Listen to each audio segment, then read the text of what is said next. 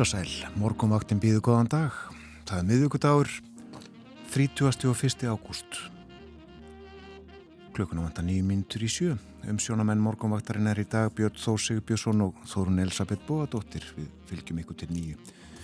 Já, síðasti dagur ágúst mánuðar í dag og átta mánuðir sennliðinir af árunnu, tveir þriðju hlutar þess. Fjóri mánuðir eftir. September heilsar á morgun. Ágættis veður á landinu, ekki nærði í að hlýtt og í gærmorgun, eh, ekki það sem hlýjast var allavega. 11 steg að hitti Reykjavík, hægur vindur, 4 metrar á sekundu, suðaustanátt, lítilsáta regning.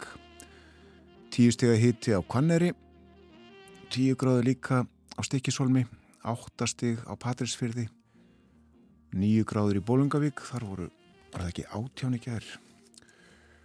Nú sjöstega hitti á Holmavík klukkan 6, 10 gráður á blöndu og sé hægur vindur þar, 10 gráður líka á Söðunisvita, 12 stega á Akureyri. Og nánast logn þar var nokkuð kvast í gær, 9 stega hitti á Húsavík, 9 gráður líka á Rauvarhöfn, en 16 stega á Skeltingstöðum, 16 steg þar klukkan 6 í morgun. Og 14 stega hitti á Eilstöðum létt skíða á eilstuðum. Suðustan 6 fór í 11 metra í mestu kviðu.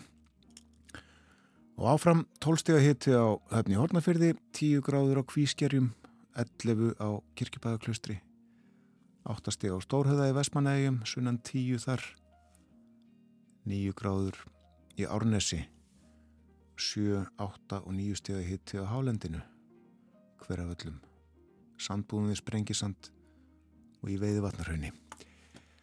Svona var veðri klukkan 6 en spáinn er svoljóðandi, gengur í sunnanátt 8 til 15 metra á sekundu með morgunum og það mun rigna.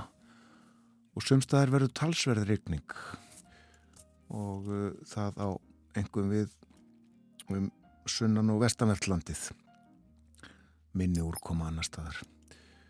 Og hægari vestanátt vestan til undir kvöld og þá dregur úr rigningunni og hitti í dag 8 til 17 stig það verður hlýjast norðaustanlands.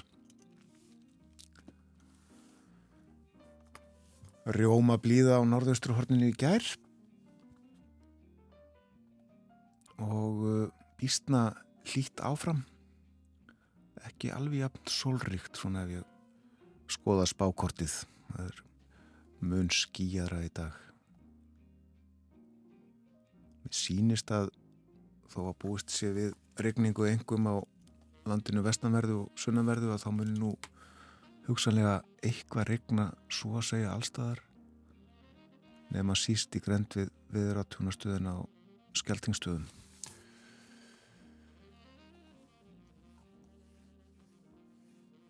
Og vegagerðin greinir frá því að það er talsvertum framkvendir á höfuborgarsvæðinu og í nágræni þess og hver endur beðnir um að virða merkingar og hraðatakmarkanir og sína aðgátt við vinnusvæði.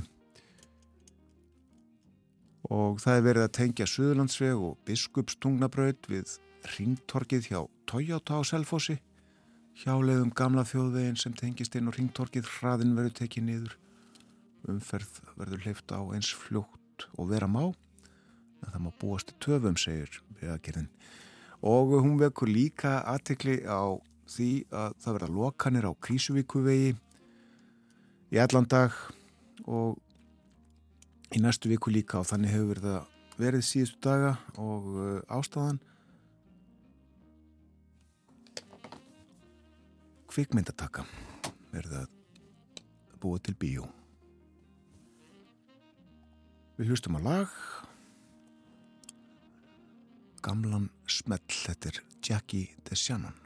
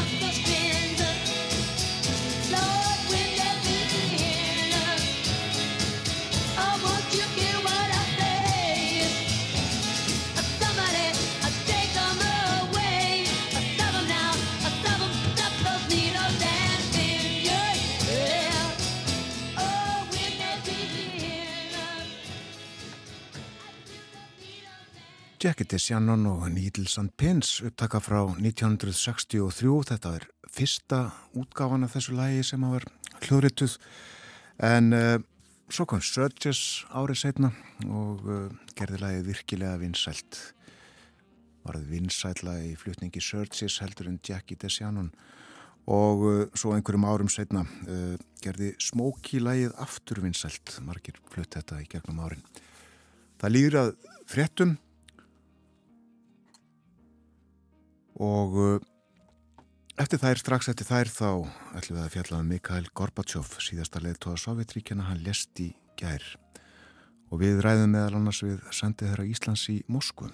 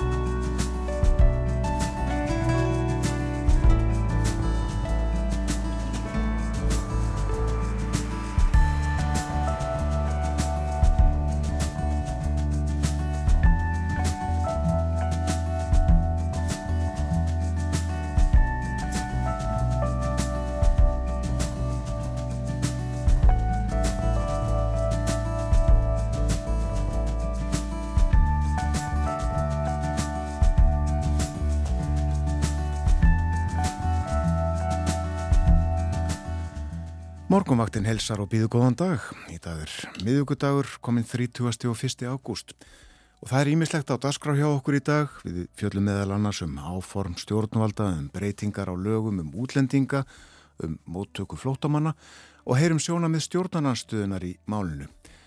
Við heyrum líka sögu Jose Eduardos dos Santos sem var fórsett til Angóla í næri fjóra ára tíu en var borin til gravar á sunnudag og svo skellum við okkur á bókamarkaða Akureyri. En við byrjum á Mikael Gorbachev sem að lést í gær 91 á Skamall og við erum komin í samband við Árnáþór Sigursson, sendi herra Íslands í Moskvu. Góðan dag, Árni. Já, góðan daginn. Þú þekkir vel sögu Gorbachevs og Rúslands og Sovjetríkina. Hvað kom í huga þér upp þegar að greint var frá andlátans? Nú, ég held að maður verði að, að nefna það fyrst að, að hann eru það stjórnmálamæður mjög mikill að breytinga í, í, já, í já, ekki bara evrópskri sögu heldur bara sögu alþjóðastjókmála hann auðvitað beitti sér fyrir verulegum umbreytingum í Sovjetryggjum á sínum tíma með stefnu sinni um, um pereströka og glasnost. Þetta voru nú hugtjók sem urðu á hversum að svörum um tímabill í, í stjókmálaumræðinu viða um heim mm -hmm. uh, og, og auðvitað má segja að hann uh, gaf eh, íbúum Sovjetríkjana frelsi sem þeir ekki hafðu haft áður uh, og svíðan átti hann þetta mjög drúan þátt í, í endalokkum kaldastriðsins, runni Berlínamúrsins uh, og þess oftar. Þannig að, að ég held að sagan muni tímaralöst setja hann á lista eða í hóp áhrifamestu stjórnmálamann á 20. öld á alltjóðasviðinu. Var honum vel tekið af öllum í kommunistaflokknu sovjaska þegar hann kom fram með sínar nýju og, og byltingakendu hugmyndir? Sko það má segja þegar hann er, er, er kosin leittói í sovjaska kommunistaflokksins þá hafði verið e, við völd e, um nokkuð langt skeið e, all rosknir e, kallmenn. E, Bresnef náttúrulega hafi verið við völd e, í áttjón ár og, og, og stó í ennbætti og eftir honum komu tveir Andropov og Tjernjenko sem að sem að uh, eh, liði nú bara einhverja 13-14 mánuði fórum sig og, og síðan er hann valinn og hann er þá bara rétt liðlega 50 og var þótti bara mjög ungur og var í raun og voru yngsti maðurinn í stjórnmálunum Sovjerska komunstaflokksins á þeim tíma og það voru bundnar miklar vendingar við hann bæði heimafýrir og, og erlendis. Ymsir eh, vestræni sjómálamenn höfðu, haft, eh, hittan og, og þekktu til hans og, og báru svona miklar eða talsverða vonir á minnstokust í brjóstum að hann myndi leiða breytingar í, í Sovjetíkjunum og heima fyrir gerð það líka, það voru þetta mjög margir og, og Sovjetmenn í Sovjetíkjunum almennt orðin mjög þreyttir á ástandinu eins og það var. Ég, ég bjó sjálfur um tíma í Moskva á stjórnarárum Gorbatsjófs og, og, og, maður kynntist þessum viðhorfum en, en síðan letu efnahagsumbændunar sem hann lofaði þjóðinni það er let á sér standa og þannig að má segja svona að Olgan innanlands hún hafi farið vaksandi eftir því sem að leið á hans stjórnatíð og árangurinn heima fyrir að þér varðar kjör landsmann að leta á sér standa. Getur átnið að því að þú nefndir áðan glasnost og peristróiku uh, skýrt þetta í tiltölu að fáum árum, orðum?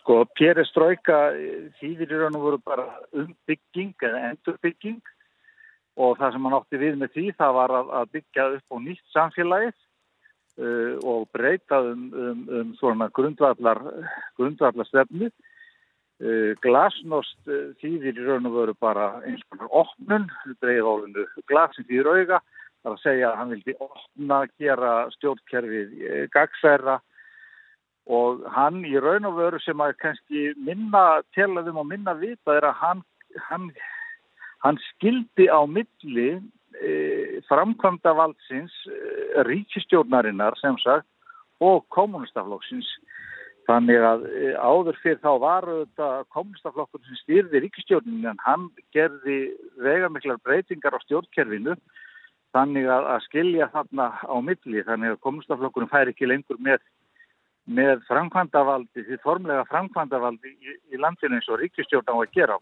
Mm. Og það er þess vegna sem hann er uh, líka, verður líka fórseti Sovjetríkjana, svo fyrst og síðasti. Og þess vegna verður hann þá fórseti Sovjetríkjana sem var þá eiginlega nýtt ennbættu og var svona, má segja, uh, já, leittu í landsins að formi til líka, mm. bæði efni til og, og, og formi til. Eh, síðan er þetta annað sem að gerist á þessum tíma þegar að það verður svona mikil opnun og fólk fær að segja hugsin og, og koma fram með sína skoðanir á þess að vera og mótmála stjórnvaldum á þess að vera nefti í varðhald að þá, þá er þetta líka mikill skortur, etnahæslu og skortur, það vantar vörur og ég man eftir að hafa spurt mína vini í mótmála á þessum tíma Eh, ég meina, nú getur því farið út á Rauðatorg og sagt hvað sem ykkur eh, listir um, um Gorbachev á hans að verða sem til Sýberi en, en margi svöruðu, jú, hvað með það, húðinar eru tómar. Eh, þannig að það var þetta þannig líka viðhorf í, í hans garð og, og það sem að opnunarpolitík hans gerir síðan innan land í Sovjetryggum er að þjóðverðnis, það verður svona þjóðverðnisvakninga því að Sovjetryggin var jú voru sko, samband 15 svo kallara sovjetlýðelda og það voru þetta margar, mörg, margar þjóður og þjóðabrót sem að lifði innan Sovjetríkinn og það verður vatn með all þeirra.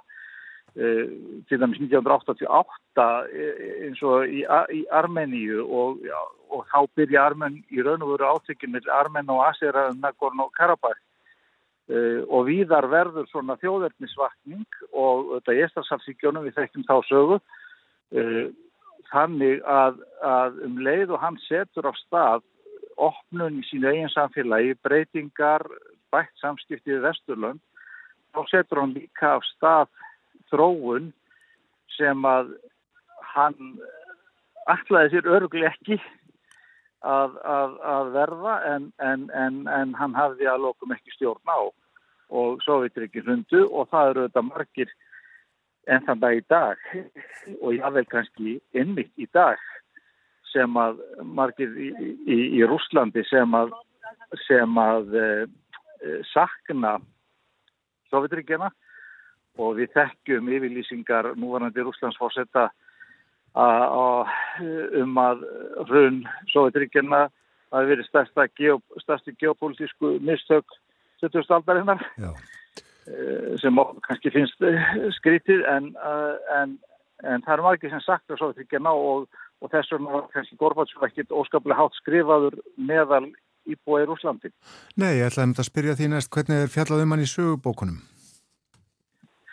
Já, sko, það er náttúrulega spurningin, sko, hvað sagan mun síðan segja, svona eftir á að, eftir á að higgja. Ég, ég veit bara að við þóru gagva tónum hjá mörgum í, í, í Rúslandi er frekar neikvægt Uh, en ég held engu að síður að þrátt fyrir það að þá sé hann nú virtur sem, sem, sem leittói og, og við sjáum strax mjög jákvæða um, umsögn uh, og samúðarkæður frá, frá stjórnvöldum í, í Kreml uh, og ég held að, og er eiginlega samfarið um það að sögubækurnar munu þrátt fyrir allt vera honum mjög hlýðhóllar þegar upp er staðið. Mm. Er mikið fjallað um hann og andlat hans í, í Rúslandi, í rúsneskum fjölmjölum í dag? Já, ég sé bara það sem ég hef gett að skoða í morgun er, er að það komi þetta frettir í helstu miðlum eins og Tass og, og, og Ríja Novosti og, og öðrum frettaveitum sem að síðan sko aðrir miðlar taka upp. Já. Þannig að já, það er þetta að tala um það í bæðum hans líf og starfi máli og myndum og og uh, það, ég sé alveg uh, svona neikvæð komment í, í, í svona kommentarkerfum og einhverjum, frá einhverjum sem uh, hafa hodni síðans en það er nú oft þannig að, að þegar menn fari við móðulunum miklu, miklu að þá, þá njóta menn nú frekar jákvæður umfjöldunar. Já og það er fjallað verulega jákvæmt um hann í fjölmjölum á Vesturlöndum. Hann er, uh, hans er hlýlega minnst. Já og ég held að, að, að ég menna hann hann, það verður ekki á hann skafið að hann, hann átti mjög ríkja þátt í þetta hrunum úr sinns eh, saminningu Þísku ríkjana eh, hann eh, yfirgaf svona Bresnarkenningu sem hafi verið við líði frá því um miðjan sjönda áratugin sem að sem að fólst í því að, að Sovjetryggin myndu alltaf koma bræðrafjóðum í Östur-Európu til uh, varnar ef á, á, á þau ráðist. Það er að segja að Sovjetryggin myndi alltaf verja sín bandalagsvíki í Östur-Európu sem þá voru aðalara á Vassarbandalæn en einhver mann eftir því. Uh, Gorbatsjóf í raun og veru, hann uh, fér frá þessari kenningu þegar hann kemur til þetta og og það í raun og veru síðan má segja opnar leiðina fyrir uh, líðræðisreiningar í, í, í gömlu Östur-Európa ríkjónum. Þakkaði kellega fyrir Árnið Þó Sigursson sendið þeirra Íslands í Moskvu að vera með okkur hér á morgumvaktinni. Takk bara sem við leiðis. Og uh, við höfum ekki alveg sagt skili við Gorbachev. Við uh, höfum verið svona fylgjast með auðvitað fjölmjölum og eins og við nefndum þá er hans hlýlega minnst af þjóðarleðtugum og ýmsum öðrum á Vesturlöndum. Einstakur stjórnmálamæður sem breyti gangi sögunar, uh, segir Antonio Guterres, frangatastjóri samanuðu þjóðana. Já, og ummalinn umman eru í þessa veru mörgver. Við ætlum að hlusta á Gorbachev.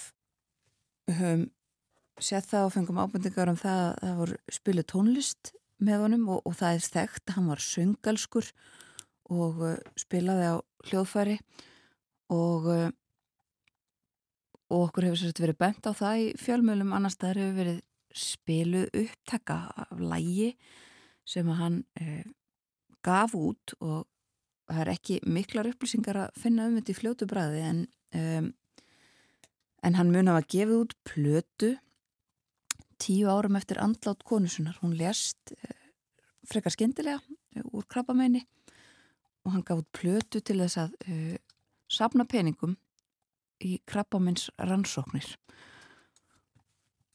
Platan var að því er mér skilst bara gefin út uh, í einu eintæki, svona formlega, en uh, hefur svo ratað viða og meðal annars á netið og ætlum að heyra lag Gorbachevs Dark Knight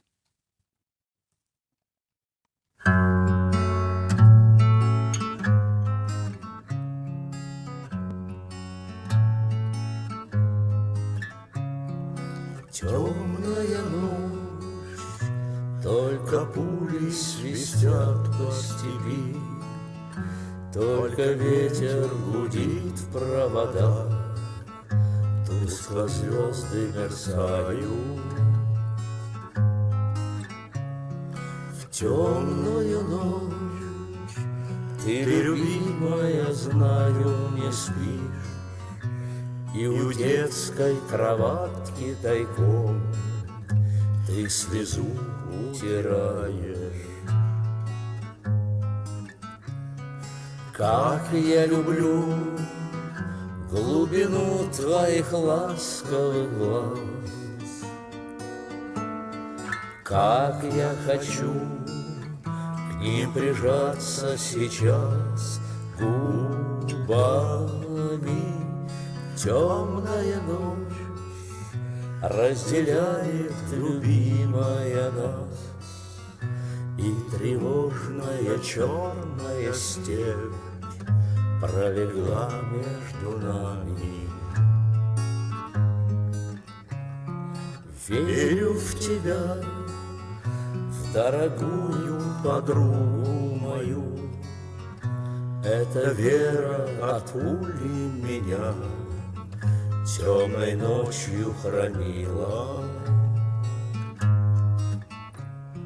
Радостно мне я спокоен в смертельном бою, Знаю, встретишь с любовью меня, Чтоб со мной не случилось. Смерть не страшна, с ней не раз мы встречались в степи. Вот и теперь надо мною она кружится, Ты меня ждешь И у детской кроватки не спишь. И поэтому знаю со мной Ничего не случится. Ты меня ждешь И у детской кроватки не спишь И поэтому знаю со мной Ничего не случится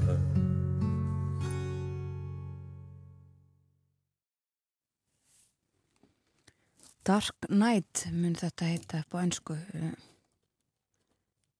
Dim Nótt hugsa ég myndi nú, við myndum segja á íslensku uh, og þetta var Mikael Gorbachev að laga eftir hann af plötunni lög fyrir ræsu.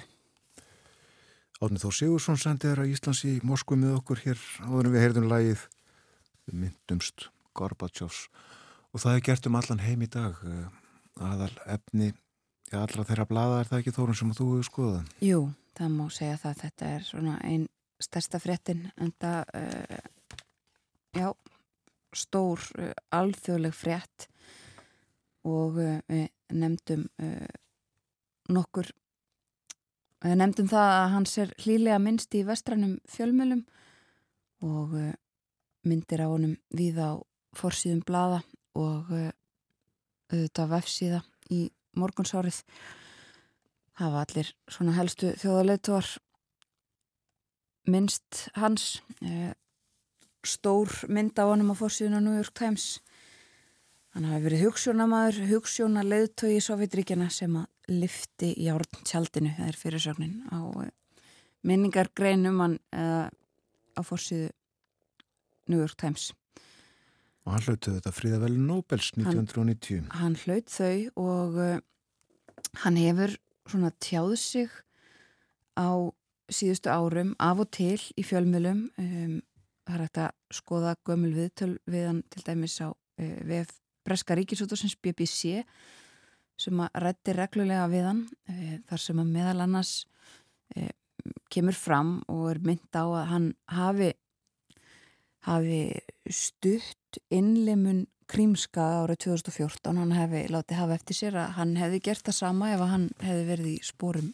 Pútins en enga síður uh, verið talað um það að hann hafi svona uh, ég haft eftir vinum hans að uh, svona í innrúmi þá hafa hann haft miklar áhyggjur af stöðumála, ekki síst núna upp á síðkastið. Hann er auðvitað maðurinn sem já uh, svona opnaði á samskipti rúsa við vesturveldin. Um heitlaði bæði Margretti Thatcher og, og Ronald Reagan og og sá, livði nægilega lengi til þess að sjá uh, svona þessar umbætur sínar uh, í samskiptum já, taka enda. Og uh, hann hafi sagt í viðtali árið 2019 að hann hefði áökjur á samskiptum rúsa á Vesturlanda þá. Það væri kannski ekki kallt stríði gangi en það væri kuldalegt og það væri stríð. Og uh, svo má segja að þessu ferli sem að hann hóf uh, bættum samskiptum hafi endanlega þetta í februar á þessu ári þegar að rúsar riðust inn í Ukrænu. Og Gorbachev kom auðvitað hinga 1986 og hittir Ronald Reagan í höfða. Við þekkjum þá sögu alla. Já. og svo kom hann uh, 20 árum setna eða svo og hjælt fyrirlestur í Háskóla bíói Einar Bárðarsson stóð af þeim viðburði. Og hann skrifar eina barðason á Facebook síðu sína heimsóknin var öll með ólíkindum og við sátum eiginlega uppi með rúsnesku leini þjónustuna og eftir okkur um allt sem fann sig núna til að reyna að hafa áhrif á heimsóknina þeim var ekki kápan úr því klæðinu en það er í hardur í hortna taka þegar sá gállinu á mér segir hann og byrtir eh, með mynd af eh, sjálfum sér Mikael Gorbachev og Ólafur Ragnar Grímsinni Ég satt þennan fyrirlestur í háskóla bíói. Áhugavert að lusta á Mikael Gorbachev. Lítið við farin veg. Hóra til framtíðar einnig. Já. Nú, eh, stuttlega sagt frá þessu á fórsíðu morgunblæðsins í dag uh, en af uh, öðrum fréttum á nefna svo við komum að syngað heim að, að það er sagt hér frá nýri efnisvinnslu Björgunar HF í Álsnesi við Kollafjörð, hún verður gangsett í næstu viku og þetta er miljardafrankvæmt því sem framkemur hér í morgunblæðinu. Nú á fórsíðu fréttablaðsins segir kostnaður framhaldsskólanema að hösti getur hlaupið á hundruðum þúsunda króna sé bóka og tækja kostnaður tekinn til greina. En stjórnendur framhaldsskóla sem að blaði rætti við eru ekki á einu máli um hvort tekjutengt jafnbrétti ríki til náms og hvort tekjur heimilina hafi áhrif á náms árangur eða aðgengi að námi. Fjallaðum þetta í fréttablaðinu. Svo er uh, hér minni frétt Eirir Vöxtur, það er svona fjárfestingafélagaða sjóður, hefur fjárfest fyrir 400 miljónir í íslenska nýsköpunafyrirtækinu Justikal, en það hefur þróað hugbúnaðalus sem að gera lögmönnum og öðrum kleift að senda gögn rafrænt til domstóla og spartnaðir fyrir samfélagið með því að nota þetta kerfið, þetta tölvukerfi hjá Jústíkal hann eh, getur eh, verið yfir 3 miljardar króna á ári. Og á fórsíður réttablasins er mynd af uh, fókbaltæfingu landsliðsins í ger sem að mætir Kvítarúslandi eða Belarus á förstu daginn Já, leikurinn klukkan hálf sex á förstu daginn um, annar síðasti leikurinn í reyðlinum um, í undankeppni heimsmystaramótsins og uh, stelpunar eru í öðru sæti reyðilsins um, og mæta svo í kjölfar þessa leiks Hollandi sem er í efstasætinu. Það uh, sáleikur verður í Hollandi í næstu viku. Stórleikir framöndan sérsagt. Sannlega og ég held þeir verði báður síndir uh, á rúf. Já og á fórsíðu morgunblæðsins svo við klárum þetta þá má sjá uh, sæti sér Rán Ægistóttur sem að létt lit á sér hárið í gerð.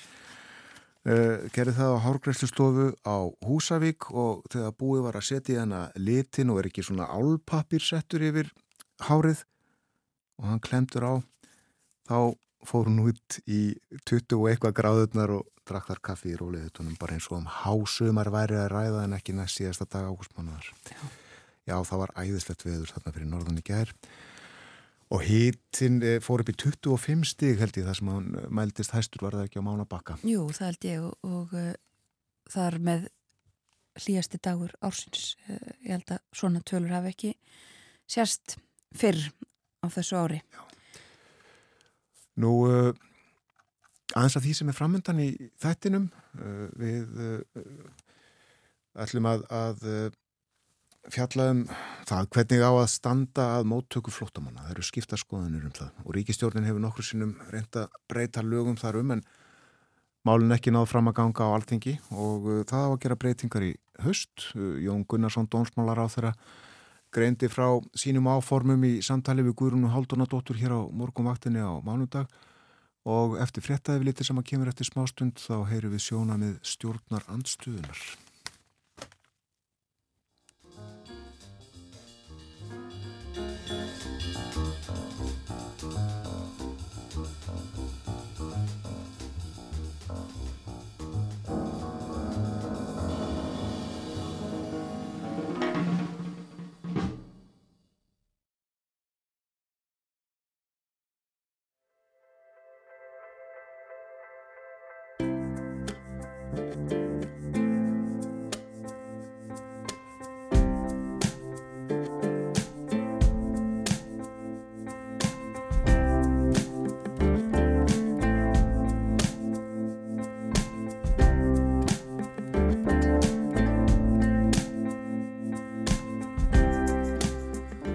Aftur þér að hlusta á morgunvaktina á rás 1 miðugudagur í dag klukkan réttliðilega hálf 8 ég sé að uh, orðið læð kemur mjög snemma fyrir í písli veðufræðingsum veðrið í dag og næstu daga. Já, næsta læð kemur að landinu með morninum og henni fylgir sunnan 8 til 15 metrar á sekundu og rigning sunnan og vestanlands. Útlitt fyrir talsverða úrkomu víða engum við fjöll. Norðaustan til má einnig búast við regningu en þó í mun minna magni. Það verður áfram hlýjast á norðaustanverðu landinu þó ekki megi búast við jafn heitum degi þar og í gær. Hæstu tölur verða líklega um átján stig. Og uh, það er sérstaklega einmitt varað við þessari regningu sunnan og vestan til. Hún verður það mikil líkur á vatnavöxtum. En á morgun stefnir í hæglætis veður með skúrum víða um land og enn kólnar norðaustan til með hámarks heta þar um 13 steg líkt og verður í flestum öðrum landslutum. Þannig er það á morgun, uh, svo norðan og norðaustan 8 til 15 á föstudag og regning með köplum á austur hlutalandsins en annars þurft og bjart. Og áfram kaldara í veðri 6 til 14 steg en uh, svo er ágetis hiti og uh, bara veður í kortunum fyrir helgina. Fremur hæg breytilega átt og bjart með köplum á laugadag, hitti að 15 stegum og vestlægaða breytilega átt og víða bjart viðri en skýja með köplum vestan til og lítilsóttar væta á sunnudag. Og framöndan á morgunvartinni, Jose Eduardo dos Santos var fórsetið Angola í næri fjóra áratví. Hann var borin til gravar í angolsku höfuborginni Luanda síðastliðin sunnudag en hann lést á spáni í júlimániði en það var deilt um hvað ætti að grafa hann. Hann var uh, merkilegur fyrir margra löta sakir. Uh, hann kom á friði í heimalandinu eftir langvinna borgarstyrjöld en uh, síðustu ár hans í ennbætti, já þau þóttu markast af spillingu og frentikli.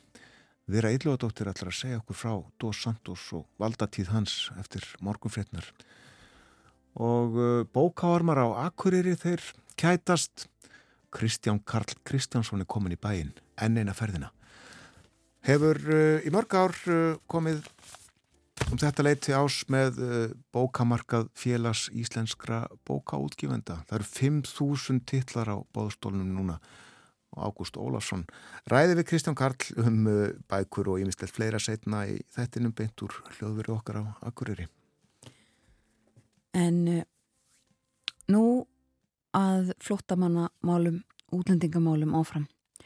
Yfir 12 miljónir úkrænubúa hafi flúið heimili sín og þrátt fyrir að meirlutu þeirra sé á vergangi í heimalandinu eru miljónir flúnar til annara ríkja í Evrópu.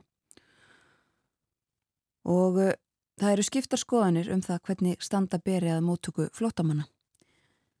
Ríkistjórnin hefur uh, nokkur snum reynd að breyta lögum þarum en uh, málinn ekki náð fram að ganga á alþingi eins og við rættum á mánudag hér á morgunvaktinni.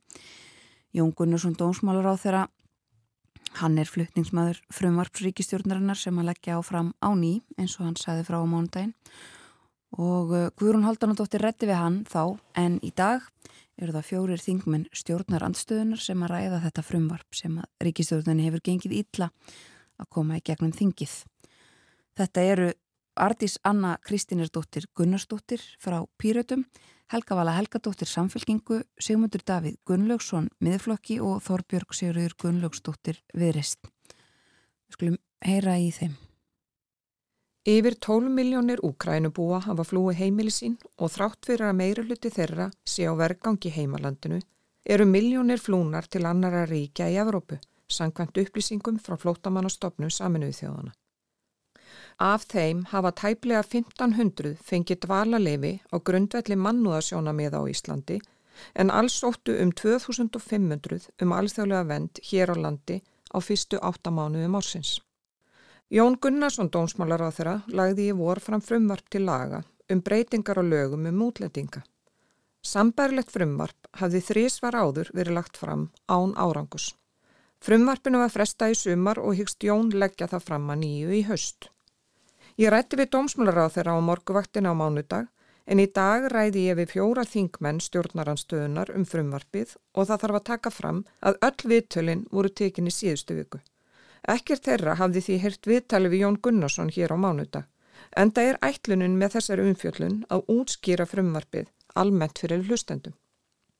Líkt og kom fram í fyrsta hluta þessara umfjöllunar er rúmlega 70 þeirra sem hafa sóttu vendi ár með vendi öðru ríki.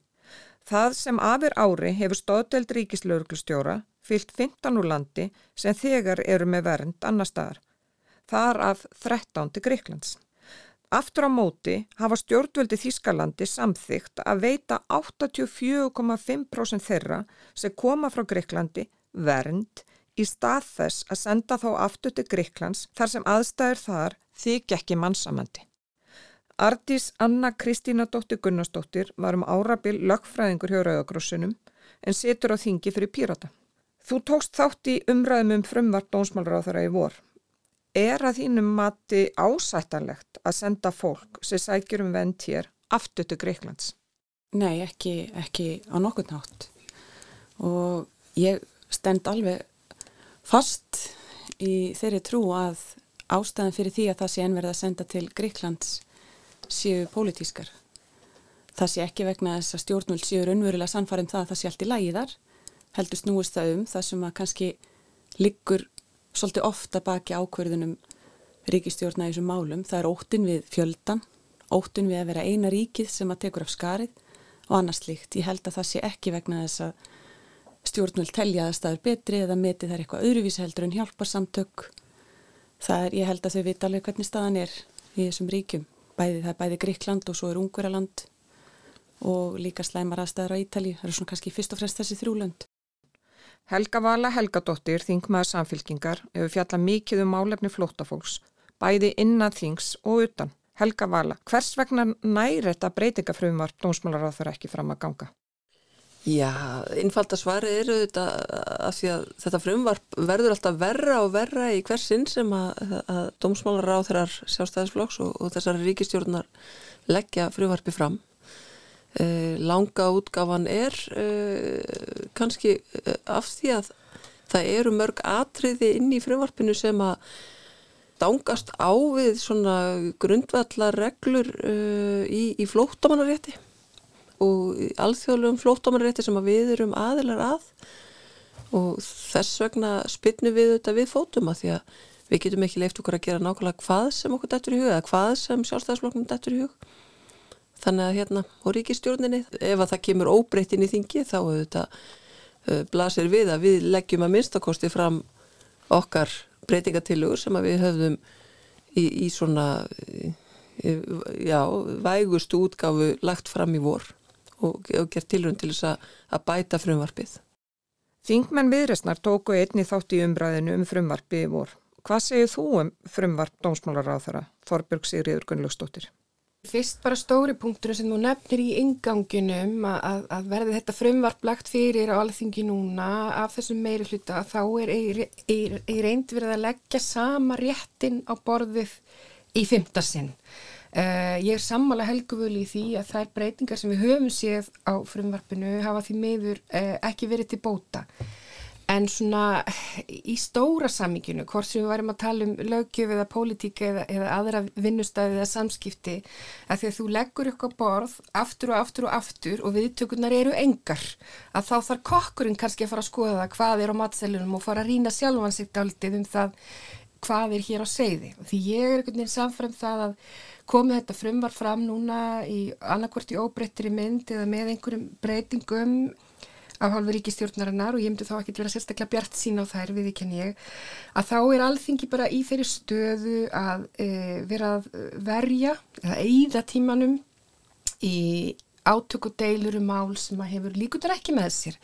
E, að því meiri hlutin tristir sér sjálfur ekki til þess að fara af stað með þetta hluta því held ég að sé að frumvarpið er náttúrulega bara umdelt og þetta er, ef maður er sangjart, náttúrulega málaflokkur sem er umdeltur uh, í löndunum í kringum okkur og all, allstaðar um heim. En mér hefur stundu svona fundist vanta heldarsamingið að, að hérna er útlendingafrumvarp uh, sem að fjallar í grunin bara um hverjir það eru sem að teljast til fólks og flótta geta sótt hingað um vernd og hæli og hver eru heimildir á stjórnvalda til þess að sinja þeim um að koma hinga til lands. Og svona með, með árunum að það hefur, hefur mér fyndið sko línan verið dregin heldur en bara mjög skarpt um það að, að, e, það sé mikill vilji til að takmarka það hverji með að koma hinga til lands. En þessi lögjum er veginn aldrei sett í samingi við að það eru þetta alveg rétt sem stundum er sagt að ekki allir sem koma hinga til lands eru kannski flótamenn eða flóta fólk í eiginlegum skilningi og að þetta fólk ætti að koma inn eftir öðrum kanalum og ráð þeirra ríkistjórnarinnar eh, standa í þingsal og í fjölmjölum og tala mikið væri nú heppilegt að við værum þá kannski með rimri réttindum, atvinnuréttindi útlendinga. En þau leggja engar slíkar tilugur fram þannig að, að, að það vantar einhvern veginn að vinna þetta kannski bara með sama hætti og var gert 2016 það sem að það var þver politísk þingmannanemnd sem að fjekk þetta verkefni að pródúsera lögjöf það var haft samráð við hagsmunarsamtök, mannrehindarsamtök háskólasamfélagi notendur kerfisins. Einfallega til þess að geta búið til heilstæða lögjöf og uh, að hún er í það veruleika Þingmenn viðflokksins hafa tjáð sig á allþingi sem og í fjölmjölum um álefni innflytjanda og flóttafólks. Sigmundur Davík Gunnlússon, telur þú rétt að breyta lögunum um útlætika? Ég held að það sé algjörlega nöðsynlegt. Þetta frumvarp svo sem gerir það bara það litlu leiti uh, og það þarf miklu meira að koma til og raunar förðulegt að sjá vandraðagangin með þetta mál. Sérstaklega fannst mér það á síðasta þingi að sjálfstæðisflokkurinn skildi ekki leggja í að klára það á sama tíma og hann kláraði mál frá framsóknarflokki og vinstir í grænum sem að gekkir unni þverja öfu átt og segir kannski sína sögu um stöðu sjálfstæðisflokksins innan ríkistjórnarinnar og hvernig þeir meta hana. En það þarf eh, miklu eh, vítakar í skoðun á því hvernig við nálgumst hennar málaflokk sem að að mínum að til er eitt sá stærsti eða jafnvel sá allstærsti sem við þurfum að fást við lönd heimsins um fyrirsjánlega framtíð. Þetta er uh, viðfangsefni sem mun bara stækka og í ljósið þess að þetta snýst um uh, líf fólks þá hljótum við að vilja uh, nálgast að þann hátt að við gerum sem mest gagn fyrir sem flesta þeirra sem þurfa mest á hjálpað halda. Fyrirkomulæðið núna ekki bara á Íslandi heldur víða á Vesturlöndum og, og alþjóðavísu er ekki til þess fallið. Þannig að þetta er mál sem að krefst mikillar endurskoðunar. Dómsmálar á þeirra sagði hér á morguvaktin á mánudag að frumverfinu væri ætlað auka skilvirkni. Eru því sammálunum? Sko, þeir sem á best þekkja til máluflóksins uh, hér á landi sem að ég myndi tellja að væri Rauðkross Íslands sem að við verðum auðvitað að taka marka á. Þau segja að, að þetta þessar tilröðunir e, þeirra ríkistjónarinn til að breyta sé einmitt ekki til að auka skilvirkni heldur þvert að móti auka flækjustíð verulega í öllu kerfinu. Svo má alveg benda á eins og til dæmis hugmyndir um að, að e, takmarka andmælarétt e, það um, kann vel að vera það auki skilvirkni.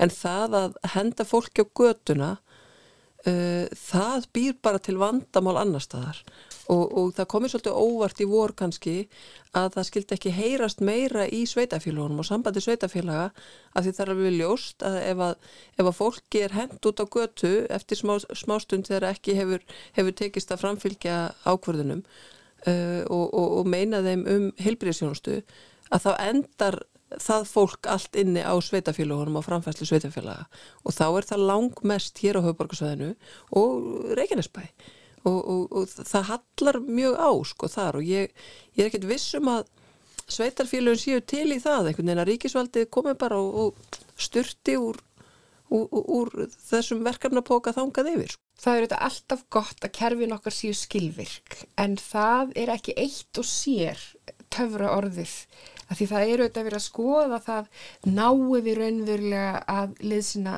fólki í neyð þá er kannski, þá er það ekki þannig að það sé eina rétt að svarið hversu fljótt við segjum nei. Nei. En, en kannski líka þetta að, að, að því að við vorum að vísa í, í alþjóð, alþjóðlegan flóttamannarétt að þar er talað um þennan grundvallarétt að mál hvers og eins sé skoðað mm -hmm. á, á, á einstaklingsgrundvalli og, og með því að taka ákvörðun um að, að sinja öllum um efnismeðferð sem þýðir bara að málinn eru ekki skoðuð sem að hafa stöðu flótafólks einhverstar annar staðar eh, þar með ertu í rauninni að, að sniðganga þessa skýru skildu sem að kvílir á íslensku stjórnvöldum. En er, er ekki Ísland einmitt eitt af fáum löndum sem að er að veita þessum hóp efnismæðferð í staðan fyrir að senda tilbaka aftur? Nei, í rauninni ekki sko, það, það, það, mögulega í orði en, en ekki á borði sko. Ardís Anna, telur þú að þetta muni auka skilurvirkni í þessum málaflokki? Nei, þvert á móti. Þetta er það sem ég hef verið að benda á í umræðinu um þetta frumvarp. Það er það að þetta snýst alls ekki um skilvirkni. Þetta snýst um það að fækka þeim fjölda sem að fær að setjast hér að. Og raunar virka flest ákvæðana sem lögður til með þessu frumvarpi og sérstaklega þeim sem haldið er eftir því það er búið að skera þetta aldrei niður.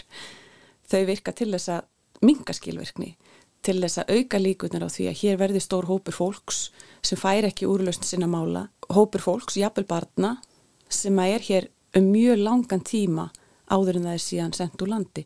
Þetta er uh, vandamál sem að var reynd að leysa með lögunum sem voru sett 2016 vegna gríðilega mikillar óanægi í samfélaginu uh, með það að fólk væri hérna árum saman, tala, tala sérstaklega um börn, þess, og samt flutt úr landi, án þess að það öðlist nokkur réttindi og það voru mikla réttabætur gerðar hérna 2016 til þess að koma í veg fyrir þetta meðal annars ákveðin svona, svona tímamörk og annað og þetta frumvarp í rauninni tekur allar þessar ágættu breytingar tilbaka. Þannig að tilgangurum með þessu frumvarpi hann er ekki skilvirkni. Það er mjög auðvelt að sína fram á það. Sigmundur Davík, hvernig vil miðflokkurinn breyta reglum um alþjóðlega vend? Við gætum til dæmis eh, lært af eh, dansku vinstristjórninni og, og þeim reglum sem að hún hefur ímest tekið upp eða bóðað. Stefna danskara jafnaðamanna sem að uh, Mette Fredriksen, fósettisráð þeirra, uh, talar ötulega fyrir, er að mínum að þetta er mjög skinsamlega. Þar hafa þeir einfallega ráðist í raunhafa skoðun á, á eðli málsins sem að mér finnst vanta mikið upp á hér. Uh, ekki bara að, að þingi skoða þetta heldur að sé einhver alvöru umræða um þessi mál í íslensku samfélagi og stefnan hjá dansku stjórninni núna er svo eins og fósettisráð fyrir hann lýsir því að enginn mæti til Danmerkur til þess að sækja þar um hæli. Danir muni áfram uh, veita fólki uh, hæli en, en það er sækja um annar staðar og, og svo velji dansk stjórnvöld hverjum verði bóðið til landsins.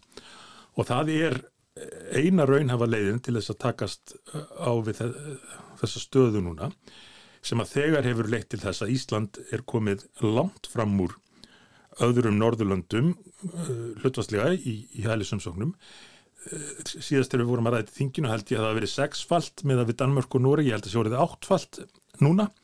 Og það er einfallega vegna þess að Ísland er komið á kortið hjá þeim sem að skipulegja ferðir fólks.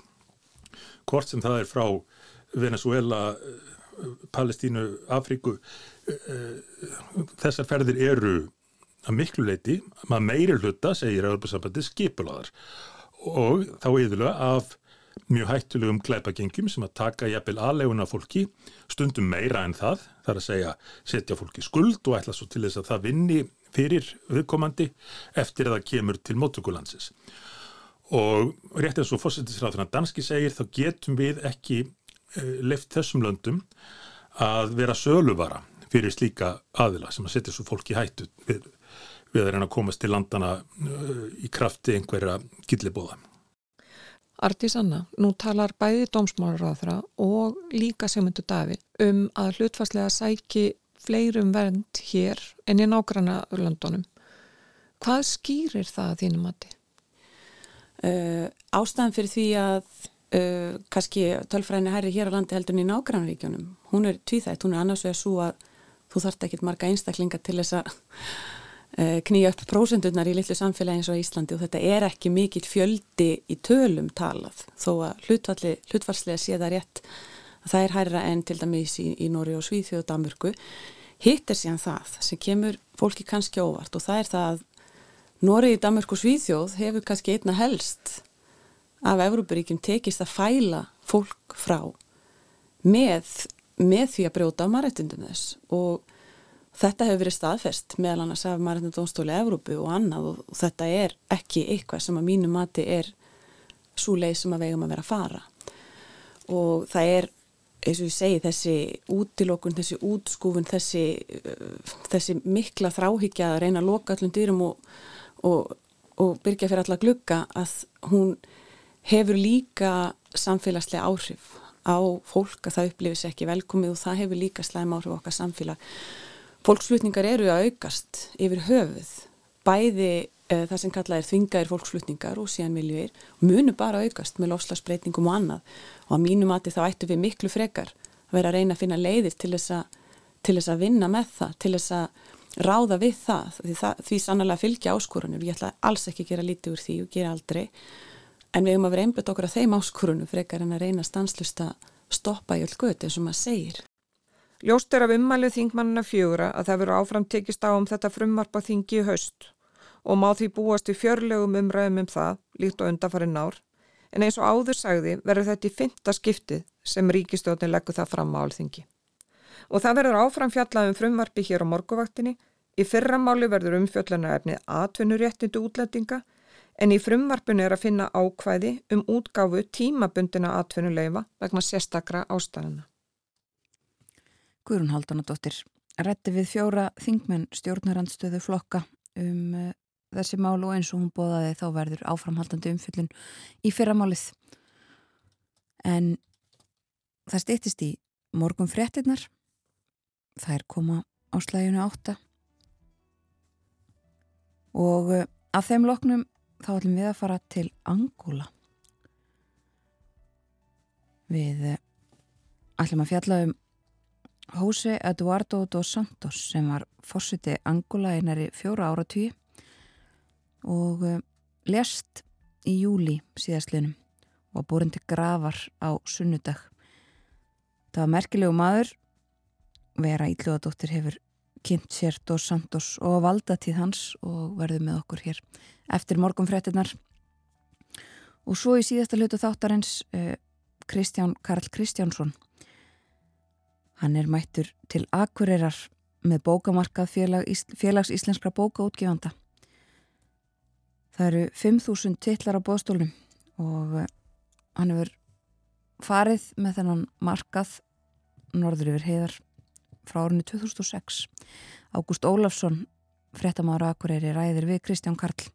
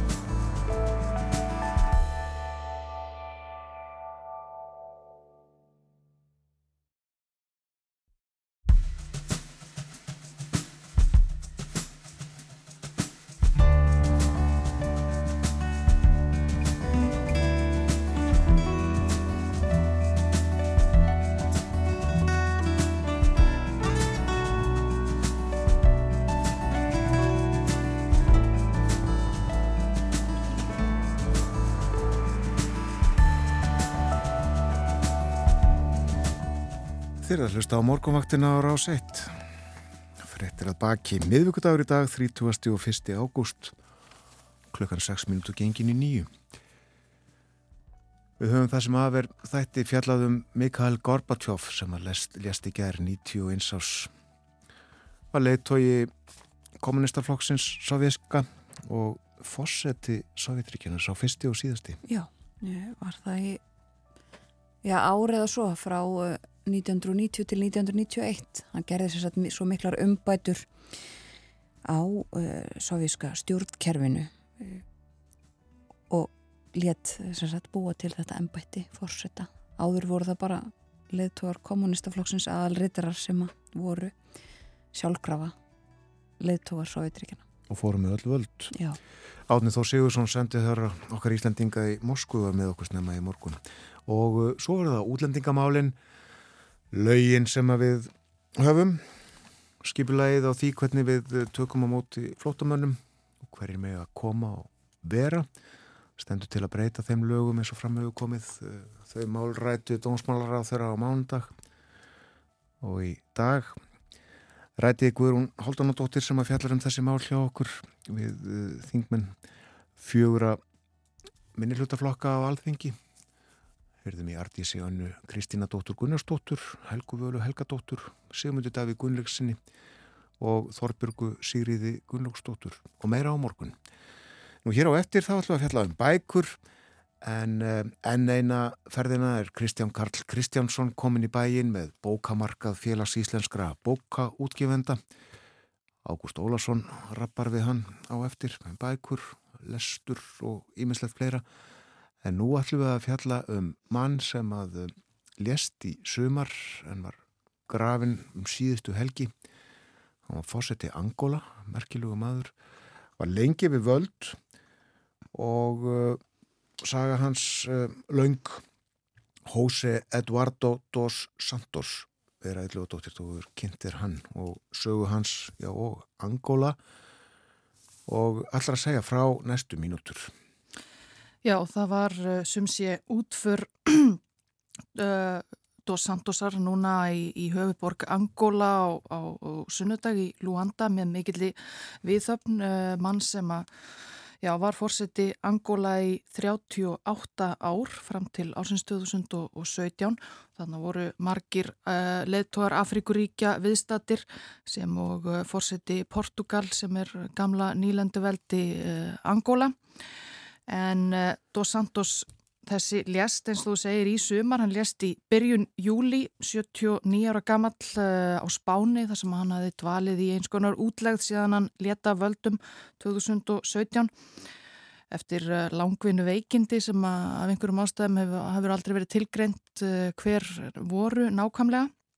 Og hann hefði átt áttræðis ammæli núna á sunnudagin en, og, og ákveði var að, að grafa hann á ammælisdægin en þetta Þetta kemur í kjölfar á nokkrum deilum um það hvar hans hinsti dvalarstaður ætti að, að vera uh, heima í Angola eða á Spáni þar sem hann lést. Uh, börn hans sem að búa nokkur utan Angola og í Evrópu heldur því fram að, að það hefði verið hans hinsta ósk að fá að kvíla á Spáni en uh, Angola menn Aðrir stuðningsmenn hans eh, heima fyrir vildu, vildu fá líkið eh, heim og sögðu að eh, mögulega væri ástæðið þess að börnin börðust fyrir því að, að hafa hann.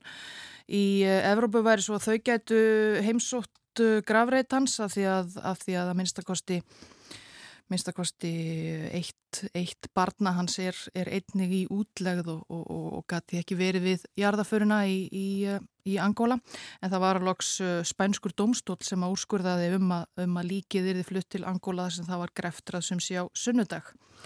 Og uh, Jose Eduardo, hann var fósettið 1979. Já, hann uh, var sem sé fættur 42 þegar Angola var portugalsk nýlenda og var ungur árum þegar hann uh, gekk í ansbyrnurhefingu gegn portugalskum nýlendu herrum sem að sósialíska eða kommuníska ansbyrnurhefingu sem að naut stuðnings uh, Sovjetríkina og hann fór síðan uh, einnig til Sovjetríkina í, í, í nám þar sem hann uh, lærði óljuverkfræði en, en starfaði mestanpart í þessari ansbyrnurhefingu MPLA og í herflokk hennar. Og angólamenn börðust uh, hatramlega fyrir sjálfstæði sínu frá uh, árinu 1961 og uh, því sjálfstæði stríði lauk loks og Angola fekk sjálfstæði 1975 eftir að einræði fellur í, í Portugal og ný stjórnvöld þar hafa minni áhuga á að halda gömlu nýlendunum og þá tekur þessi kommuníska ansbyrnurhefing eh, Dos Santosar, MPLA, við eh, völdum og, og, og býr til einræðis, eh, kommunist einræðis ríki þar sem að, þar sem að fylkingin eða flokkurinn sem að myndaður er út frá henni hefur öll, öll völd í, í fórum sér. Og nær umsvega löst eftir það þá brýst út uh, borgarastyrjöld í landinu þar sem að berjast andstæðarfylkingar, annars vegar MPLA og hins vegar uh, andkommunísk uh, fylking, UNITA, sem að naut stuðnings uh, bandaríkjana og Suður Afríku og annara uh, vesturlanda. Þannig að þetta var svona eitt af þessum uh, heitu vývöldlum kaldastriðsins má, má kannski segja í, í, í áraraðir Angola þar sem að, þar sem að stjórnvöld nutu stuðningssovjetríkjana og, og hansbyrnumenn Vesturlanda. En þetta var ekki kræsilegt ástand þarna? Þetta var ekki uh, kræsilegt ástand og uh, Dos Santos hann byrjaði á því að gegna ímsum uh, ráþeirastöðum á fyrstu árum sjálfstæðis en tók síðan við fórseta ennbættinu, uh, valdamesta ennbætti stjórnkerfisins við dauða fyrsta fórsetans uh, Antonio Neto 1979 þá er Dos Santos bara 37 ára gamall og hann heldur síðan þeim völdum næstu 38 árin til 2017 og eh, lungan af valdatíð hans þá geysar þessi borgarstyrjöld með, með örstutum uh, hljefum en talið að alls 500.000 angólamenn hafi, hafi beðið bana í þessum átökum sem voru oft mjög hatrömm og þetta höfðu ræðileg áhrif á, á, á land og þjóðu uppbyggingu ný sjálfstæðs ríkis. Og afar vandasamt verk að já, annarkvort eh, sigra, sigra ansbyrnu menn únýta eða, eða stilla til friðar eftir, eftir eh, fall Sovjetríkjana þegar Angola missir sinn öflugasta bandamann þá er eh, svona tekið upp byrjað að færa, byrja landið að færa sig átt til, til líðræðis allavega svona nafninu til. Og þá var reynd að semja um frið uh, sem að tókst uh, næstum því en uh, gekk ekki eftir þannig að stríðið helt áfram í, í tíu ár enn.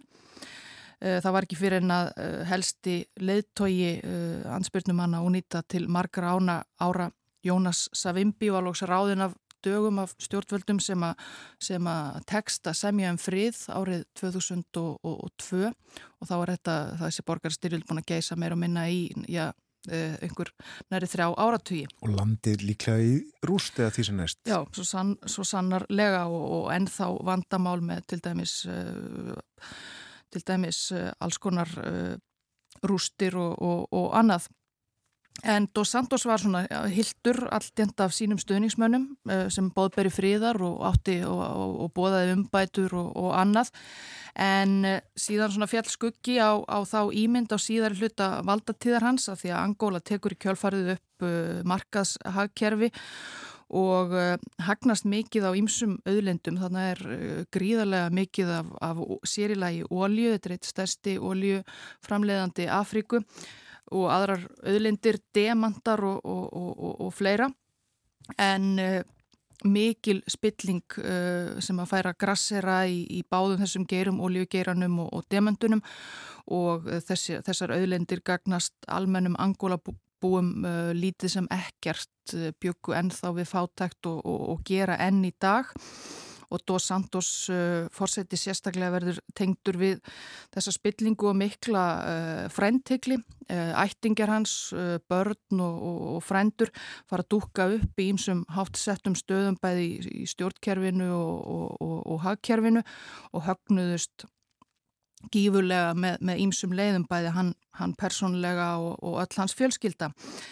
Þannig eh, til dæmis þá uh, elsti sonur hans, uh, Jósef Filomeno dos Santos, hann fór fyrir Óliusjóði Angola og elsta dóttirinn Isabel dos Santos stjórnaði Ríkis Óliufélaginu, Sonangól og það var fjallað um hana í fjölmiðlum fyrir tveimur árum eftir mjög umfangsmikinn skjálalega um Ímis umsvið hennar. Og þá var hún sögð uh, vera ríkasta kona Afríku, jafnvel eftir að hún þurfti að röklast úr stjórnunastöðu í oljufélaginu eftir að, að fæðir hennar fór úr ennbætti og eh, með puttana í ímsum öðrum geirum ríkis demansnámu félagi Angola mikið fjarskiptaveldi og svo framvegis og, og þarna voru tilgreindar ímsar flóknar flettur og mikil auðæfi í aflandsfélögum og svo, og svo framvegis mm.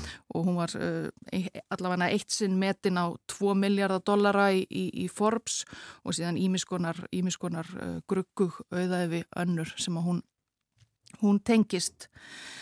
Og uh, svona undir það síðasta þá var uh, Dos Santos farin að stjórna landinu eiginlega aftur sem einræðisveldi þó að líðræði hefði átt að vera tekið upp og tók mjög hart á andofi, hann fangelsaði stjórnarhandstæðinga og, og, svo, og svo framvegis En 2017 eh, eftir 38 árið völd þá kom hann mörgum á óvart þegar hann eh, fælst á það eða tilkynir að hann ætlaði sjálfviljugur að segja af sér.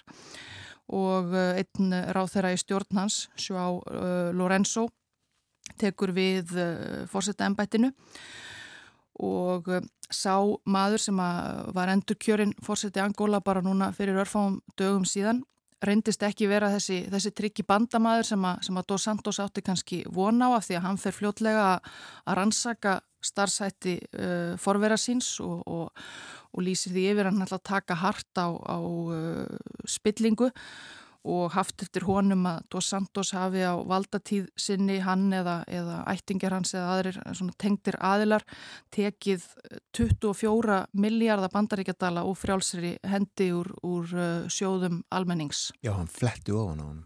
Já, flettir ofan á hann og, og, sný, og snýst gegn uh, börnunum.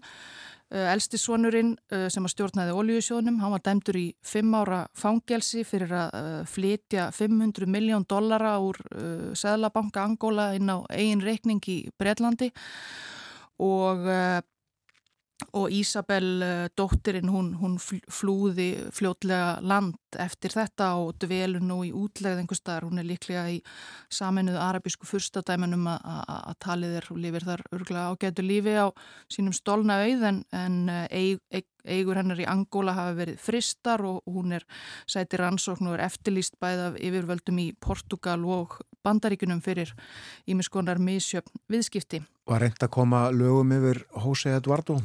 Uh, hann flutti til uh, Spánar mjög skömmu eftir að hann sagði af sér þannig að hann hefur mögulega líka grunað fundið á sér að, að eitthvað sem að, óhrind sem að hann hefði í pokahorninu geti komið fram í, í dagsljósið og hann dvaldi sem sé í, á Spáni til, til dauðadags þó hann hafi vist uh, heimsótt Angola uh, að minnst að kosti einu sinni þannig að, þannig að það rannsóknin náði ekki, ekki það langt að hann væri, hann væri beinleis handtekinn eða, eða eitthvað við, við komin að þangað. Dos Santos tíðir tveir dýrlingar. Eitthvað svo leiðis. Þau eru ekki miklu dýrlingar, ekki þessi þrjú allavega sem þú hefur nefnt hérna? Nei, þau eru það ekki og hafa held ég, held þess að fjölskylda hafi, hafi ekki orðið uh, Angóla til mikil skóðs allavega en ekki á, á, á síðari árum. En uh, það horfur til betri viðar, getur við sagt það með nýja fórsetunum? Já, það eru, það, það eru gríðarlegar áskoranir sem að, sem að ríkið stendur fram með fyrir og honum hefur nú ekki tekist að, að laga strax þessa, þessa miklu misskiptingu sem er, er þarna. Það eru auðvitað gríðarleg uh, auðæfi þarna í, í jörðu en lungi almenningsbýr enn við, við uh, fátækt og, og, og, og mjög bákjör en eh, ætti að, ættu að geta réttur, réttur kútnum. Og uh, fórsetin fyrirverandi Jose Eduardo dos Santos, hann var ekki bara vel auður að peningum, hann átti líka mörg börn, tíu held ég og eitt er allavega tónlistamæður.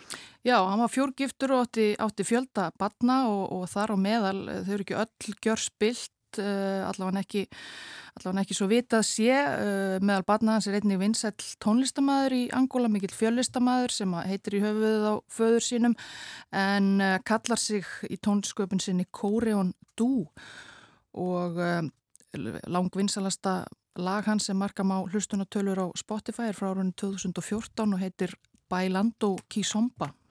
Ef að gefa okkur að hér sé sungið um dans Þetta er Kísomba kvöfera mjög uh, vinsell angólskur dans sem að farið hefur sigur fyrir um heiminn.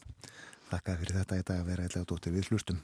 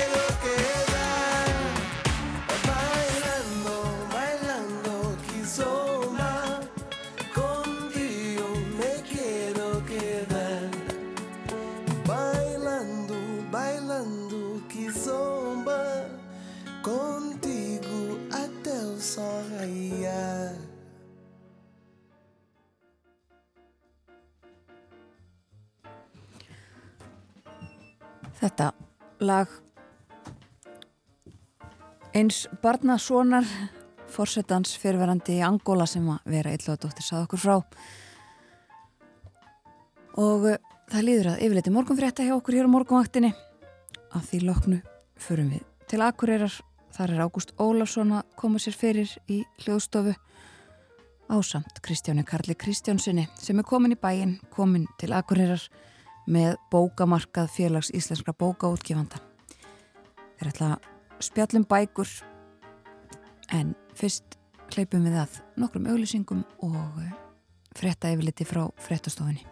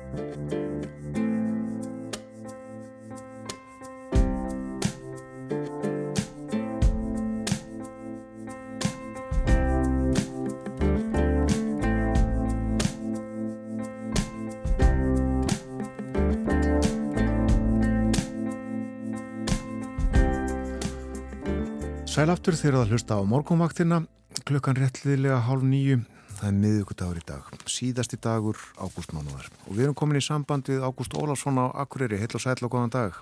Já, góðan dag. Góðan dag, við hér á, á söðu vestamörulandinu þurftum í gera hlaupamilli húsa með reglíf á lofti en eh, á norðausturhorninu, já þá þurfti fólk að verja sig fyrir sólinni. Já, það var, var óbúslega heitur dag hér í gæðir og, og hérna, það er endur ekki skottuðir núna, það er sólulegst og kaldara og búið að regna þessi nótt en, en hérna, þetta var, þetta var fallegur og, og góðu dag hér í gæðir sko. Sumarauki. Sumarauki og, og heyrist á veðafræðingum við hefum kannski von á ágættis september allavega til að byrja með, það ekki búin úr ljós. Já. En ég veit ekki hvort að, hvort að við getum talað tala um það bókamarkaður félagsbókaðundgjöfandi þessi sumar auki en, en alltaf er hann mættur og, og Kristján Karl Kristjánsson er komið hér í hljóðið til minn um sjónum að bókamarkaðurins velkvæmna morgunvægt. Já, takk fyrir það. Eh, það er ekkert orðum auki, þú ert alltaf mættur til aðkureyrar á, á, hérna, á þessum tíma ásins. Já, þetta var nú lengi vel alltaf um páska en uh, svo í fyrra þá breyttu við því og, og ákvaðum að færa hann yfir á haust og það kom nú til af, af hérna, húsnæðismálum húsnæðismálum stjórnaði sem svolítið hvar, hvenar og hvar við erum mm, eh, Þessi bókamarkaður, þetta er hans sem magna fyrirbæri og, og, og hann er nú hann er alltaf í gangi einhver staðar eða hvernig er það? Nei, þetta er sett upp einu svona ári í Reykjavík þar að segja af félaginu, félagi bókóttgefunda mm. og svo einu sinna á ári á Akureyri og svo stundum hefum við farið á eilstæði líka þá yfirleitt í tengslum við Akureyramarkaðin en það er ekki núna Nei. Og þú hefur marga bækur? Fullt af bókum það er bókóttgefundur auðviljur til að senda okkur sem betur fer og við erum með eitthvað rúmlega 5.000 titla mm. í öllum mögulegum flokkum og svo erum við með svona auka afurð sem er notaðabækur og það er óvenni mikið af þeim núna. Já, hvað er það mikið? Það verður eitthvað daldið yfir 2000 stykki. Já, það er, ekki, það er mikið af notuðum bókum. Er, er fólk þá að, að færa ykkur eða er það að fá í hendur einhver bókasöfn eða hvernig er það? Já, í þessu tilfelli er það upp í staðan bókasöfn. Mm. Uh, líklega eitthvað um, um 2000 stykki úr einu bókasöfni. Og kemur þá sá bókaugandi eða þeir sem eiga þar bækur, koma þeir bara með til ykkar eða er þið að eignist í þessar bækur? Eða? Nei, nei, nei, þetta er allt saman umbóðsala, alla bækur sem við seljum eru umbóðsala. Oh. En nei, þetta kom nú bara upp núna alveg rétt fyrir markaðina að hérna við vorum bennur um að selja þetta. Mm. Öðru jöfnu er þetta nú ekki gert svona nei, nei. og það er bara... Það var, það var hægt núna því að við erum í svo góðu plási hjá húsasmiðinni eða þar sem húsasmiðan var öllu heldur út á Lónsbakka. Mm. Eh, hvernig bækur er þetta? Hver, hvernig, hvernig veljiði bækur á, á bókamarkaðin? Er bara róðið ykkur öllu sem er til eða, eða er þetta eitthvað, eitthvað valið sérstaklega? Við gefum nú einhverjar línur til bókáttgjöfanda hvað við viljum fá og, og með hvað fyrirvörum og sérstaklega í magni sko því að, að flytja svona landsluta á milli þá skiptir öllu máli hvort að þú sendir sko fimm endtök í einum titli eða tíu. Því að ef að maður hittir ekki rétt á það þá er þetta orðið alveg óhemmi flutningur. Mm. og, og náttúrulega vinnan við að taka þetta upp og pakka þessu niður og allt það það fer náttúrulega allt í því hlutvalli en þetta eru sko allar í rauninni allir bókóttgefundur í félagi bókóttgefnda sem að, að hérna, eru beðnir um að senda bækur. Og svo er þetta nú svolítið skrítið sko að því leitinni til við vitum aldrei alveg nákvæmlega hvað við fáum. Nei. en við segjum nú sem svo ekki senda okkur bækur sem við eru 50 ára gamlar og hafa ekki selst í síðustu 20 árin eða. Það er nú svona grunnforsendun Fáiði fáiði nýjustu tillana? Ekki það sem er að seljast best í bókabúðum. Nei það er og eðlilega ekki verðin sem við gerum kröfum að bækuna lækki mm. þannig að það er það er smá fyrirvarar á því mm. En Kristján Karl, þú ert nú þú ert ekkert að byrja þessu uh, hvenar fóst þú að sísla með þennan bókamarka? Sko ég var fyrst með bókamarka 2006 held ég menn rétt í Perlunni mm. 2007 hérna á Akureyri og þá byrjuðum við hérna við hliðin á bakarífinu við Brúna þar sem Svefn og Hilsa var einu sinni. Og fengum svo það húsnaði þegar Svefn og Hilsa flutti út og vorum þar í einhver tíma og, og svo er þetta alltaf sama sko, maður ringir í nokkra aðila og veistum eitthvað húsnaði löst og hérna við höfum verið nokkur sinnum á Glerotorgi og, og hér og þar í bænum þar sem er nógu stort húsnaði Já. Af hverju fóstu þetta? Ertu, ertu mikil bókáormur sjálfur eða hvað var til þess að þú, þú lagaði svona bókum þú ert að vera að flytja bæk, búin að flytja bæku síðan, síðan 2006? Já, þetta er nú eins og hvað annað sem að maður dettur inn í. Nei, ég hef, jújú, jú, ég hef lesið mikið bókum en, en hérna verð seintalinn sko einhver gúru í þessum fræðum. Já. En uh, ég hef miklu meiri áhuga á viðskipta hliðina á þessu. Mér finnst þetta mjög heillandi og, og hérna reyna að finna út hvað viðskiptavinnurinn vil og grunn, grunnurinn sem ég hef svona fundið út í þessu er að eins og með markaðan og akkurýri eh, ef hann er nógu stór þá virkar hann. Ef maður kæmi með sem bara helmingin að þessu sem væri mjög mikið að bókum þá myndi hann ekki virka þá fundist fólki svona já, líka við að sér veið Þetta hljóman er svolítið eins og fólk sem kannski ekki síst bara komið til þess að skoða bækur Já, líka, já, alveg fullt af fólki sem að, að hérna, kemur og skoðar í klukkutíma og kaupir eina bók. Jú, jú, jú. Hvaða fólk kemur í, þú vantilega að fann að þekkja andlitin eða hvað? Já, sko, já, það er nú ekki gaman að segja frá því ég er mjög ómanglöggur og það er ekki gott í þessu því að það kemur oft fólk og heilsa mér og gerir náttúrulega eðlega kröfu um það að ég kannist við einhverja, sko. Mm. Uh, jú, jú, ég þekki einhverja og, og vissulega einhver andlit en hérna þetta er talsvert að fólki sérstaklega sem kemur alltaf fyrstu dagana á bókamarkað sem er sama fólki mm.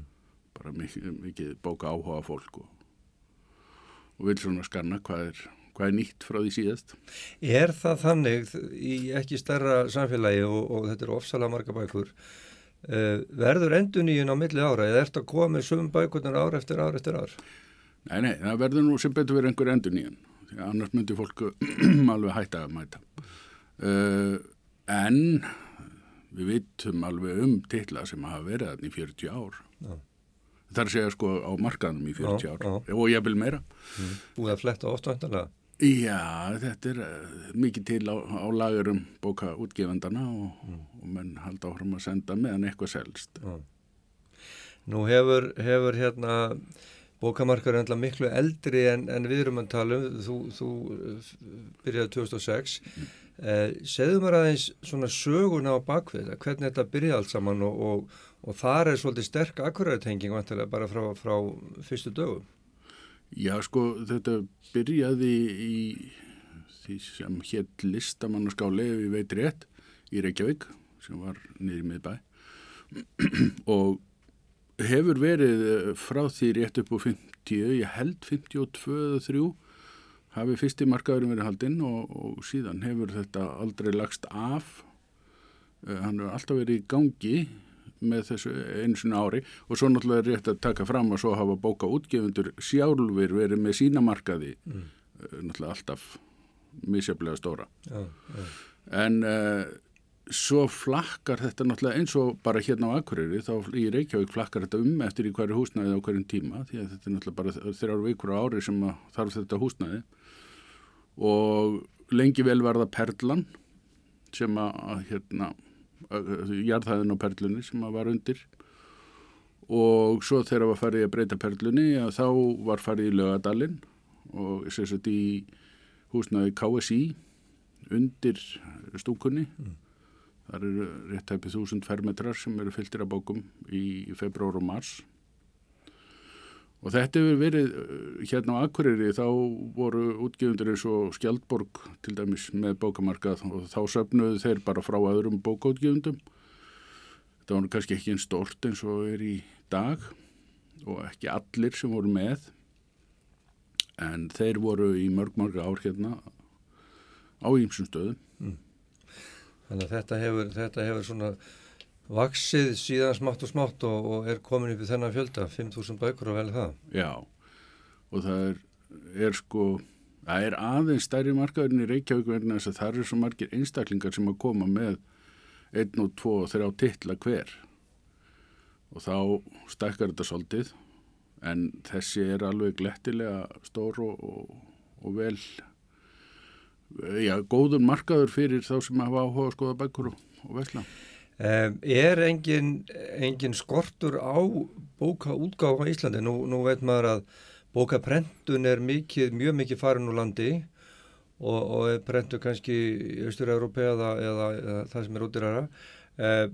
En það er, það er alltaf bókaútgefundu, það helst ekki í hendur eða hvað? Nei, og, og eftir því sem að útgáfan er uh, ódýrari og eða meiri möguleikar í að prenta þá er alltaf fleiri sem að eiga möguleika að gefa út bækur. Það eru engar hindranir í því hver getur gefið út bók og það er náttúrulega alveg óhemja bókun sem við gefum út sem við fréttum aldrei af. Já. Það er bara einstaklingar sem er að búa til sína æfisögu eða, eða sína héraðsögu eða hvað það er og þetta er allt selt á allt öðrum forsendum heldur en þessi vennilega skaldsaga sem er allir fyrir almennamarkaðin. Já. Og þetta eru svo kannski bækur sem að endan rata á, á bókamarkaði hjá þér? Já, það getur alveg verið sko eins og bara hérna fyrir norðan þá banka einhverjur upp á og segir getur þú selt þessa bók fyrir mig? Já. Já, bara þá á viðkvæmandi bara einn titil og, og þá gerum við það. Já. Hvernig, ertu, hvernig gerur þetta núna? Þetta er vantarlega flokkað í, í ákveðna flokka. Hver, hvernig veljið þið bækur, bókategundir ef maður getur sagt svo á, á markaðin? Það er einlega bara reynslan sem að velur það fyrir okkur. Það er sko barna og lingabækur samanlagt allir það sé ekki svona 40-50% af öllu sem er á markanum. Já. Og það kemur bara til að það er svo mikið leftspurn.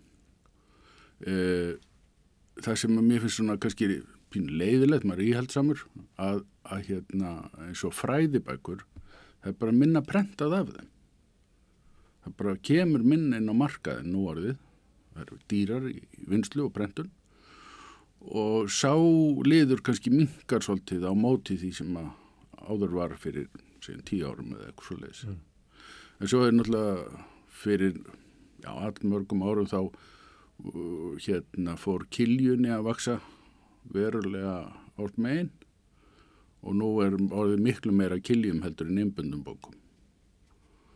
Þannig að en svo eru þarna ljóð í mörgum metrum og, og sport og matur og hannirðir og allt þetta er öllu þessi ægir saman. Já. Þannig að þetta er að, þetta er að fara af stað núna og, og hvað ætlar að vera lengi eh, fyrir norðan? Við verðum uh, samkvæmt venju í uh, rétt hefa tvær vikur Já. Verðum til 11. september Já.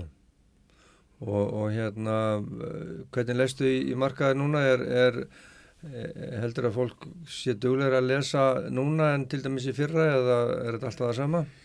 Er, ef ég vissi það nú þá var ég góður nei, nei, ég hef bara góð fína tilfinningu fyrir þessu það er, akkureringar og norlendingar eru mjög áhuga og samar um bókamarkað og duglegri mæta þannig að og það er náttúrulega þessuna sem við komum alltaf og, og reynum að gera þetta eins stort og mikið og hægt er Kristján Karl Kristjánsson, ég heyrði að þú, þú þetta ekki að kvarti við hafa ekki félagskap næstu dagana, það verður vantilega margir sem að koma að heimsækja og, og lesa allavega bækur og kaupa það vonandi. Takk fyrir það. Takk fyrir konu morgunvakt. Þetta var um bækur bókamarkaðin á Akureyri. Það er gott að lesa. Ég las ekki ær um miðandag en ég þurfti að kveikja ljós. Þannig var nú byrtustíðið í Reykjavík. og uh, það er nú útlitt fyrir svona allavega núna hér út um klukkan í eftirleiti að það verði með söpuðum hætti í dag þungbúið mjög Já. Verður ekki talað um hábjartan dag, svo stundum gert. Nei, varla Ekki hér. Nei. En uh, snemma í morgun þá fjölluðum við hér á morgunvaktinu Mikael Gorbachev sem að lest í gerð. Já, við uh, töluðum við Átnáþúr Sigursson sendi herra Íslands í Moskvu og spurðum hann um Gorbachev hann er þetta stjórnmálamaður mjög mikill að breytinga í, í, já, í já, ekki bara evrópskri sögu heldur bara sögu alþjóðastjókmála hann auðvitað beitti sér fyrir verulegum umbreytingum í Sovjetríkjum á síðan tíma með stefnu sinni um, um pereströka og glasnóst. Þetta voru nú hugtök sem urðu á hversum hans vörum um tímabill í, í, í stjórnmálaumræðinu viða um heim uh, og, og auðvitað má segja að hann uh, gaf uh, íbúum Sovjetríkjana frelsi sem þeir ekki hafðu haft áður Uh, og síðan átti hann þetta mjög drúan þátt í, í endalokkum kaldastriðsins, uh, hrunni Berlínamúrsins uh, og þess áttar. Þannig að, að ég held að sagan muni tímaralöst setja hann á lista eða í hóp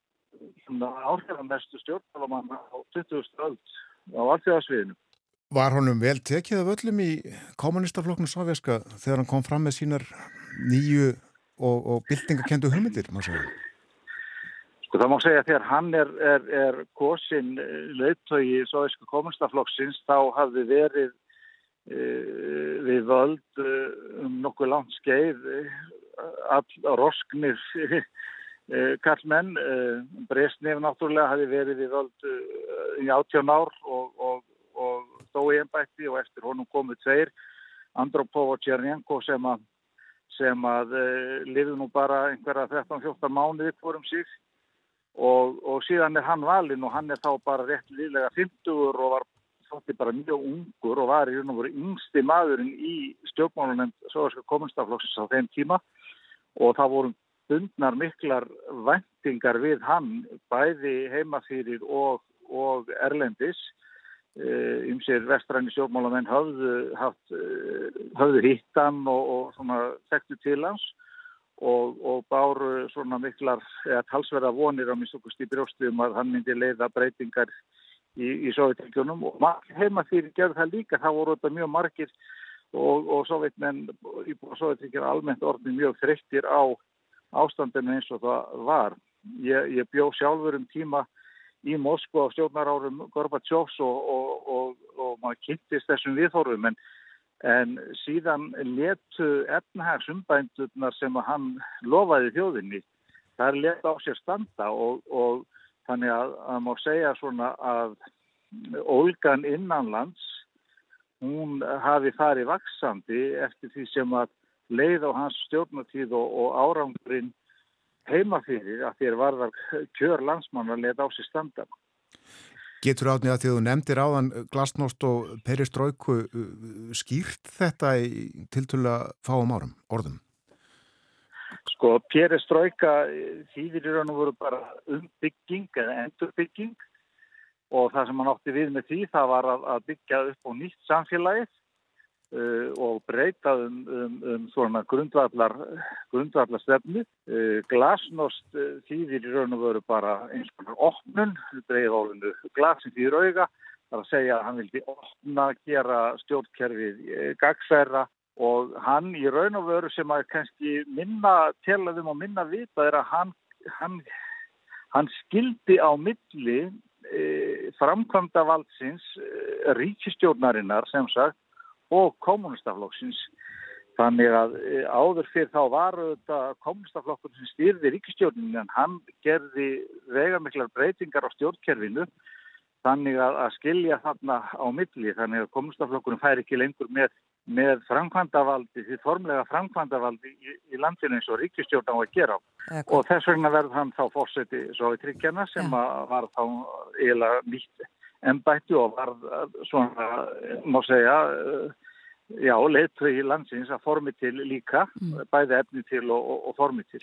Síðan er þetta annað sem að gerist á þessum tíma þegar að það verður svona mikil opnun og fólk fær að segja hugsin og, og koma fram með sína skoðanir á þess að vera og mótmála stjórnvaldum á þess að vera nefti í varðhald að þá, þá eru þetta líka mikill skortur, etnahæslu og skortur, það vantar vörur og ég man eftir að hafa spurt mína vini í móttu á þessum tíma, e, ég meina, nú getur því farið út á Rauðatorg og sagt hvað sem ykkur listir um, um Gorbachev á þess að verða sem til Sýberi en, en margir svöruðu, jú, hvað með það, húðinar eru tómar, e, þannig að það var þetta þannig líka viðhorf í, í hans garð og og það sem að opnunar pólitík hans gerir síðan innan land í Sovjetryggum er að þjóðverðnis það verður svona þjóðverðnisvakninga því að Sovjetryggin var jú, voru jú sko, samband 15 svo kallara Sovjetlýðelda og það voru þetta margar, mörg, margar þjóður og þjóðabrót sem að lifði innan Sovjetríkinn og það verður vatn meðal þeirra e, til dæmis 1988 e,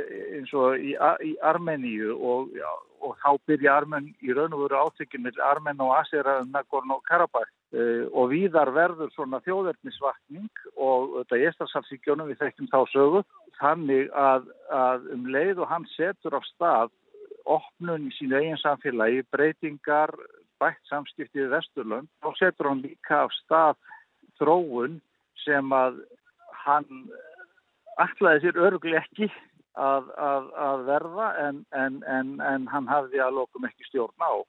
Og Sovjetriki hundu og það eru þetta margir enn þann dag í dag og jável kannski innmitt í dag sem að margir í, í, í Rúslandi sem að e, sakna Sovjetríkjana og við þekkjum yfirlýsingar núvarandi Rúslandsfórsetta um að raun Sovjetríkjana að verið stærsta geop, stærsti geopolítísku mistök 70. aldarinnar sem kannski finnst skrítið en, en, en það er margir sem sagt að Sovjetríkjana og, og þess vegna var kannski Gorbatsjóf ekkit óskaplega hátt skrifaður meðal íbúið í Rúslandi. Nei, ég ætlaði að spyrja því næst hvernig er fjallað um hann í sögubókunum? Já, sko, það er náttúrulega spurningin, sko, hvað sagan mun síðan segja, svona eftir á að, eftir á að higgja. Ég, ég veit bara að við þóru gagvað tónum hjá mörgum í, í, í Rúslandi er frekar neikvæð, en ég held engu að síður að þrátt fyrir það að þá sé hann nú virtur sem, sem, sem leittói og, og við sjáum strax mjög jákvæða um, umsögn og, og samúðakæður frá, frá stjórnvöldum í, í Kreml. Uh, og ég held að, og er eiginlega samfarið um það að sögubækurnar munu þrátt fyrir allt vera honum mjög hlýðhóllar þegar upp er, staðið. Þetta var Átni Þór Sigursson sendera Íslands í Moskvu spilum þarna brot úr viðtali sem áttum við hann eldsnæma í morgun um Mikael Gorbachev sem að dó í gæri 91 og skamall.